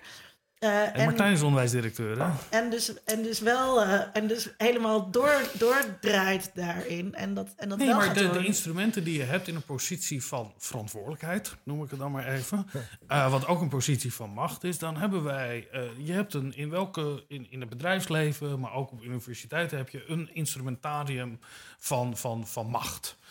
Alleen die is natuurlijk totaal over. eh, ge- die is- heel erg weggenomen van alle ideeën van geweld, want dat vinden we eng. Eh, en, maar uiteindelijk is, zijn de principes hetzelfde Ja, maar dat, dat, is dus, dat is wel wat ik, dat, wat, dat is wat ik net zei. En daarom vind ik dus ook ehm, het heel interessant om te zien Ik vind het overigens heel goed hoor dat we dat hebben. Voordat luisteraars denken. hoe de. Je kan hoe- beter een slecht BNO-gesprek hebben. Een, een, een, een, waar staat BNO ook weer voor? Dat, eh, eh, eh, Begeleiding en ontwikkeling. ja, ja, Ik hoop het, ja, want ik weet het ook even niet meer zeker. en je voert ze wel eens. Nagaan? onderdrukking. Ja. Maar Ehm, hoe vaak was jij je handen na een BNO? Ik bedoel, wat, wat, wat gebeurt er? Moeten wij dat bloed van onze handen ook eh, spoelen? Ja, dat is, is het echt... Nou ja, maar heb jij gewetensvroeging als je, als je met iemand zo'n we gaan een dossier aanleggen gesprek hebt gevoerd? Eh, nee, maar ik denk wel Nou, dat eens... Tom Corleone dus ook niet. Nee, maar ik denk wel eens dat het veel eerlijker zou zijn om gewoon... eh, te eh, erkennen wat het is wat je doet. Ja, Namelijk je- levens kapot maken. Gezinnen ontwrichten. Linda, jij komt volgend jaar niet meer terug in het onderwijs. dat, eh, dat hebben we bij deze. Nee, eh, ik vind wel dat we door de, de, de, de manier van spreken die we erover hebben gekregen, het de schijn van, van, van beschaving heeft Ja, gekregen. terwijl daarachter. Ja. eh, en dat we allemaal dossiers vormen en argumenten, wat allemaal afhankelijk is van interpretatie. En dat de carrière mogelijkheden die mensen die doorstromen als capo eh, of hoogleraar, hoe je het ook wil noemen, eh, in het systeem, Capo kunnen allemaal. Kunnen we allemaal transparante eh, eh, checkboxen bij hebben. Maar at the end of the day gaat het natuurlijk ook over andere dingen. Ja, maar ik wil, ik wil helemaal even- niet anders dan andere vormen van Oké, dus georganiseerde jij zegt, je moet niet denken dat je hè, dat, eh, dat, dat, dat, eh, dat macht, dat je dat niet een enorme rol speelt en dat ook niet wij allerlei beslissingen maken die elke keer die grens eh, ja, stellen eigenlijk. Of, hè, Ja, maar je ook, denk ik, ook, ook, ook morele grenzen overgaat. Ja. Die eigenlijk niet, waarvan je Ja. van tevoren niet had gedacht dat je, zou, eh, dat je die over zou Ja. gaan. Maar omdat eh, eh, jullie als onderwijsdirecteuren ook een bepaalde ideologie geïnternaliseerd hebben. Dat wat jullie doen goed is. Dat jullie geen slechte mensen zijn. Dat jullie helemaal geen gezinnen ontwrichten. En dat als iemand daar de waarheid over zet, dan moet ik in één keer gaan slapen met de visjes. Dan word ik niet meer ingehuurd. Eh, waar ik het even over wil hebben, is over de, de media van, de, van het asfalt. Ehm, die dus hier, hierover over schrijven.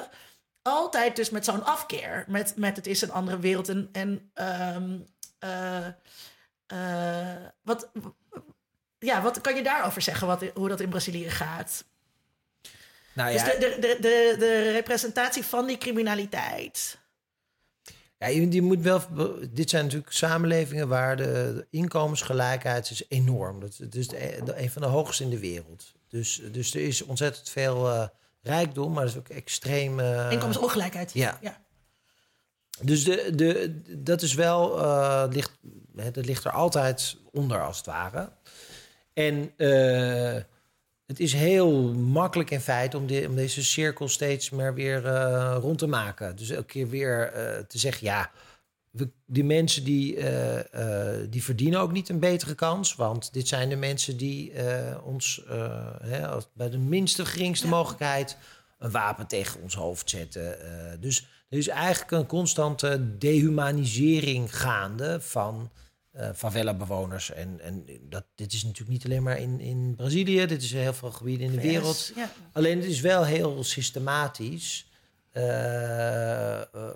Ja, mensen worden natuurlijk ook steeds weer in feite uh, op een bepaalde manier neergezet als ja, beestenachtige of beestachtige uh, criminelen. Ja. Dus ik, ik, ik, ik voel het altijd als iets heel tragisch eigenlijk. Ik vind het een enorme... Want als ik kijk bijvoorbeeld, um, er stond pas geleden een heel bizar stuk in NRC over drugscriminaliteit in Nederland. En, en toen gingen ze uh, regels citeren uit Drank en Drugs van, uh, van Lil Klein en Ronnie Flex. Uh, waarin ze dus ook stelden, ja, die drugs die wordt helemaal geromantiseerd. En alle tieners zeggen ja tegen MDMA. Um, en dan denk ik, oké, één, je snapt jeugd, jeugdcultuur niet en hiphopcultuur niet. En je begrijpt niet dat helemaal niet alle tieners zeggen tegen MDMA. Maar ook, er zijn nooit dat soort berichten over de verheerlijking van het kapitalisme bijvoorbeeld. Uh, en, en hoe onze jeugd aangeleerd krijgt dat geld goed is. En dat het heel goed is om een dikke auto uh, te willen. Of om um, slinkse spelletjes te spelen in de politiek. Hoe dat geromantiseerd wordt, daar gaat het dan nooit over. Ik en dat zijn dus die ja. twee, die, twee uh, die hypocrisie van het steeds tot een andere wereld te maken. Ja, ik vind het. Ik, ik heb vaak in een college heb ik wel eens gevraagd aan een student als je de kijkwijzer icoontjes bekijkt en je zou er twee moeten bij verzinnen. Of de eerste vraag, in wiens belang is het dat dat soort dingen niet gezien worden? Ja, je bent 14, natuurlijk wil je seks zien en je wil vloekende mensen zien en eh, wat dan ook. Maar er staat helemaal, er is nooit een icoontje van. Hier wordt een verkeerde verbeelding gegeven van de romantische liefde. Ja, Eh, het is neo- neoliberale propaganda. of dit, ja, inderdaad, eh, het, het, het idee dat je zelf verantwoordelijk bent voor je levensgeluk is een leugen. Ja. Dat zou, dat, Waarschuwing onder in beeld. Oh, heel zou dat goed. toch mooie- Ik zie een lange disclaimer. eh, eh, ja. mooie, i- mooie icoontjes zijn eh, Ja. daarbij. Nee, maar dat, die, die tegenstelling, die zie je die ook in Nederland eigenlijk in... eh, dus als het gaat over criminaliteit. Hè, dus dat er eh, de angst die wij hebben voor criminaliteit... zie je een parallel met eh, wat je in Brazilië beschrijft over... god, er wordt ons iets afgenomen. Want dat beluister ik in je verhaal. Ze komen uit de heuvels... Ik, ik moet een beetje aan Dylan, when you got nothing, you got nothing to lose. Kennen wij dat hier ook? Is er een romantiek ook bij de Mokro-maffia? Nou, die van- angst was er eh, zeker eh, eh, toen, die, eh, toen, het, toen die aanslagen, toen die liquidaties vermeerderden. Dat, dat in, ja, het is allemaal prima als het in de wijk blijft, waar, waar toch bijna nooit iemand komt. Maar op het moment dat ze in Westerpark eh, gaan schieten, Ja, nee, daar komen wij. Ja, daar, ja, ko- de- daar ja. komen wij. Ja. Dus eh, de, letterlijk de, de school van mijn kinderen, die, die had, eh, die had van die incident van de mokromafia gewoon brute kogelinslagen. Hè? Dus Ja. dat was Zeeburg, het gezellige, rustige Zeeburg. Is inderdaad geen moer te doen ook. Ja. Maar de, daar, eh, eh, toen, en toen werd het inderdaad een kwestie van, nou, nu, eh, we komt Nu is het genoeg geweest. Nu is het genoeg geweest, nu Ja. gebeurt er iets. Ja, ik, ik heb dat idee ook hoor. Ook Ja. een berichtgeving over als er een schietpartij in een of andere parkeergarage in de Bijlmer. Dat het, nou ja, dat is, natuurlijk kan je nooit intenties erachter lezen. Maar dat de ophef daarover een andere is dan een schietpartij eh, op het Rembrandtplein.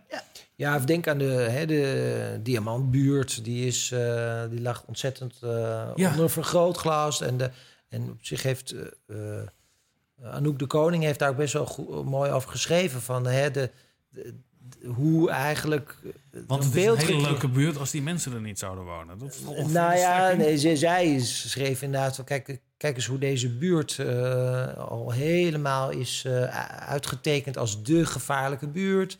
Dus dat betekent dat er bepaalde jongens de hele dag in de gaten worden gehouden. Dus die hoeven nog maar hè, een verkeerd over te steken. En dan zit er weer een politieagent. krijgen op daardoor ook een hekel aan autoriteit. Precies. en dat wil niet zeggen dat er niet eh, dingen gebeuren. Maar eh, zij heeft voor Amsterdam al eh, heel, best mooi beschreven. Van ja, dit is hoe, dus hoe zo'n cirkeltje werkt. Ja. Van constant maar weer media-attentie voor dezelfde jongens. en inderdaad, die, die, die worden behoorlijk opstandig. Ehm, En beroemd ook. Precies. Ehm, nou ja, goed. Dus ik denk wel dat het, dat het aantal dynamieken zijn zeker te, te vergelijken. Of August Allebeeplein hè, was een tijd lang natuurlijk de plek. Ja, Nee, wel van ja, Ja. Ja, ik denk wel eens... Je moet je wel Ik voorstellen... ben er wel eens geweest, helemaal. Dat is toch behoorlijk saai plein, toch? vergelijkbaar met hoe jij naar Brazilië ging. Zo voelde ik het August Allemeplein. Oh, oké. oh, ja, Eh, ja. Ja, het is een best saai plein. Het is behoorlijk saai plein, Ja, toch? Ik bedoel... eh, Ja, dus misschien willen we ook wel, maar ik- willen ik we het ook wel romantiseren. Wil- romantiseren. Willen wij ook wel onze eigen favelas hebben? ehm, Nou, ik, ik, ik heb op de Wallen gewoond. eh, in het nette gedeelte, moet ik er dan bij zeggen. En zelfs in die periode dat het ik... nette gedeelte waar altijd mensenpoep op straat lag. Waar alleen maar de Britse eh dronkaards waren. Maar wel luisteren als je zei, eh, niet tegen mijn voordeur aanpissen. Oh ja. Dan luistert ze wel. Dat is wel een de verschil. Mooi, goede plek om te maar wonen. ik weet nog wel in, in, in, in 596 dat het Mercatorplein. Nou, Ja. daar, daar kon je echt. eh, dat was Ja. safari. Als je daar Ja. naartoe ging, dan moest je overdag en hard fietsen.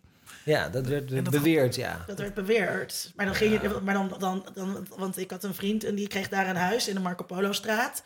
En eh, dus ik ging ook helemaal voorbereid. En ook moet ik mijn fiets heel goed op slot zetten en zo. En dan is het gewoon een buurt, gewoon een straat. En er was gewoon helemaal niks aan de hand. Ik werd nul keer uitgescholden voor hoer.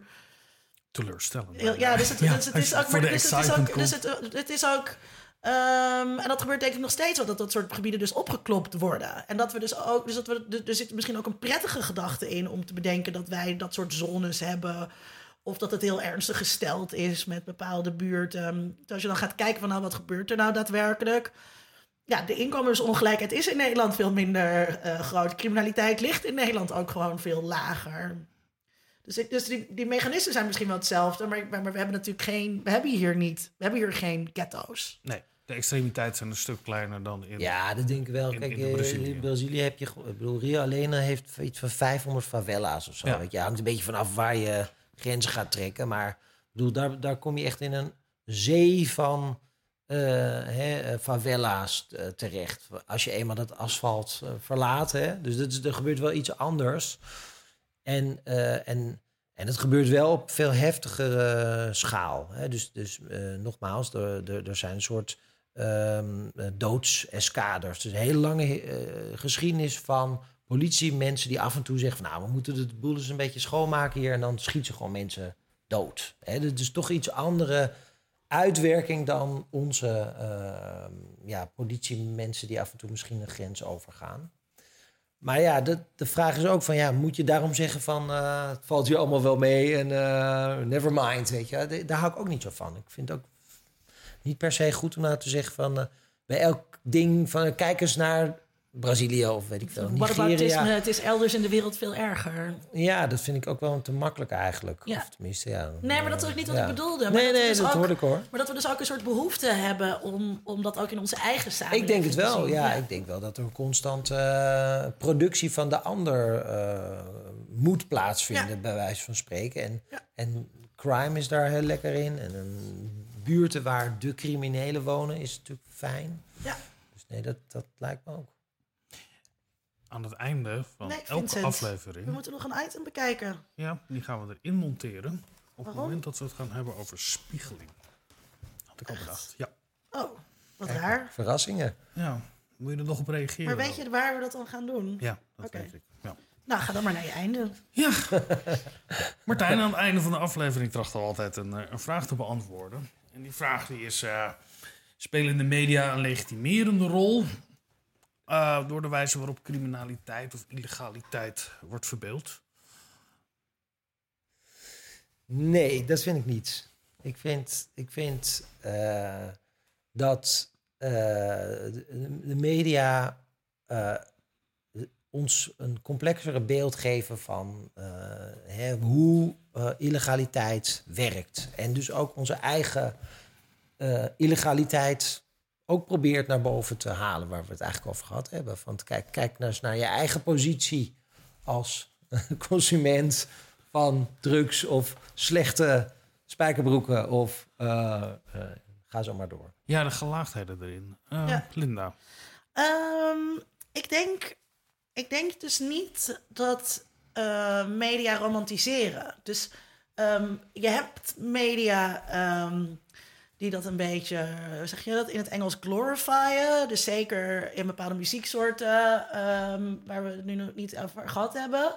niet heel erg over gehad hebben, ehm, waarin dat gebeurt. Maar daartegenover staan weer zoveel andere media-uitingen. Dus ik denk inderdaad, er zit, er zit een enorme gelaagdheid in.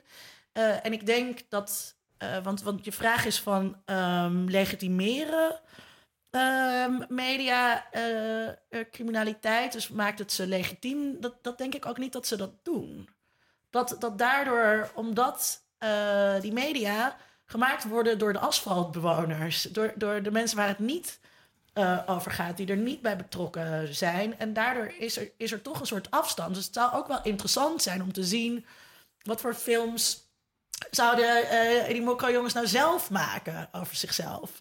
En dan, en dan is dat misschien nog steeds heel erg over de top. en, en, en glorifyen zij hun eigen bestaan. Maar misschien laten ze ook wel juist iets, iets zien...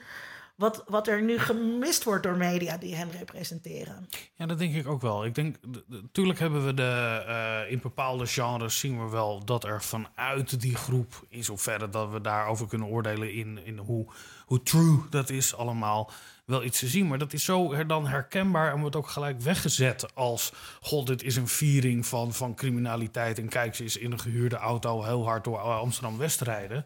Dat, dat het ook iets, iets, iets lulligs heeft bijna. We hebben echt die viering van criminaliteit op een grootse manier.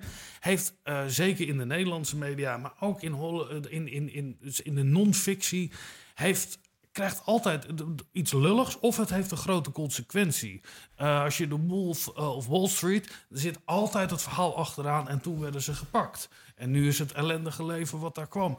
Ook, ik denk dat ook het verschil tussen criminaliteit en illegaliteit, dat illegaliteit in Nederland, eh, of het nou gaat over drugsgebruik of wat dan ook, nou dan heb je eh, of de evangelisten komen langs die zeggen en toen kwam eh, God in het leven en toen ging het allemaal weer beter. Of het valt onder de categorie jeugdcultuur, dat doe je dan in een bepaalde fase. Dus dat hebben we allemaal wel tot een soort verklaring gebracht waar, waarin we ermee om kunnen gaan. En, en vooral als ik kijk naar Nederlandse media, zie ik helemaal geen romantisering daarvan. Nee, die, gren- die grens waar Martijn het over heeft, over Ja. die trechter, wat je, wat je net zei. Ik denk dat, dat, dat die grens is dus heel interessant, maar die grens is er wel heel duidelijk. Dat denk ik ook. En zeker in, in de samenleving waar wij leven, voel ik hem ja, dagelijks heel duidelijk. Van nou, dat gaat. Ja, maar er zit ook bijna, een, een, een, een- een- zeker door de genres, eh, de, de series die we nu hebben, die wat langer lopen, maar ook in non-fictie. eh, al gaat het over seriemoordenaars, dan zie je dat er steeds meer aandacht is gekomen dat het zijn ook slachtoffers. Het is iemand die eh, altijd moet hebben leven van drugsdealen. Daar zit altijd een verhaal achter. Mama hield niet van hem. eh, allemaal dat soort. Eh, leg- niet die legitimatie van de daden, maar de daden zijn altijd uitingen van onvermogen. En dat vind jij, maar dat vind jij dat het dat ook minder eh, eh, romantisch maakt, of niet? Dat nou, ja, dat maakt het minder romantisch. Ja. Ja, dat is een is andere gericht vorm op het van romantiek. van Ja. de crimineel. Ja, Ja. en het is een andere vorm van romantiek. ja. Maar er is, lijkt geen ruimte te zijn voor iemand Ja. eh, die zegt... nou ja, dit is gewoon... ik moet anders heel hard werken, dus als ik dat doe, dat gaat dan beter. Ja. Maar ik heb hele lieve ouders. Eh, mijn moeder houdt veel van me. Ik maak mijn studie af. Maar ja, ik ga echt niet twaalf uur in de kroeg biertjes stappen. Dan kan ik beter Ja. gewoon even drie keer per week... iemands tas van zijn nek afrukken. Die optie, dat narratief, lijkt niet te bestaan. Ja, wat wel dus vragen stelt, want hoe, hoe jij begon. Ja, ik ben eigenlijk ook heel gefascineerd door het begrip van eh, eh, soevereiniteit. Hè? Dus zowel in, de- in het macro-idee van, eh, van eh, grote groepen, die eigenlijk soevereiner op, opereren binnen de staat, maar ook soevereiniteit van een individu. Hè? Dus die, dat autonome individu waar we over begonnen. eh, dat staat wel een beetje haaks wat, waar we nu eindigen eigenlijk. Hè? Dus ons, die fantasie van ik wil een soort soeverein individu zijn. Toch weer Marx. En men, En, make eh, their own, men make their own choices, but not under circumstances of their own choosing. Nou ja, daar komen we nu eigenlijk meer terecht dan Ja. misschien dan, dan wat we begonnen met het idee van ja, of de fantasie in ieder geval. Waar we De over fantasie begonnen maar is was- bevrijdend. Maar Ja. de, Ja. de, de, de, de manier hoe er over verteld wordt, laat, altijd, laat steeds meer structuren zien. Ja. Oh, wat een prachtige sociaal-wetenschappelijke conclusie. Wat heerlijk. Beste luisteraar, dit was aflevering 90 van de podcast onder Mediadoktoren. En wij vinden het fantastisch dat je hebt geluisterd. We zijn ook heel benieuwd wat je ervan vindt. Ja, jij? Ja, jij? Ja. Ik ben heel benieuwd wat jij ervan vindt. Laat het weten op iTunes en vul het aantal sterren in. En als dat heel weinig zijn, ja, dan krijg je een paardenkop in je bed. ben je student en je denkt bij zo'n item of interview... nou, dat kan ik echt heel veel beter. Nou, doe dan en laat het ons weten. Hoe? Kijk dan voor informatie op ondermediadoktoren.nl. De redactie van deze podcast bestaat uit Sona Arslan, Marijn Joop, Frederik Tijlers, Linda Duits en ik, Vincent Kronen. Heel veel dank aan Martijn Oosterbaan. En over twee weken zijn we er weer. Thank you.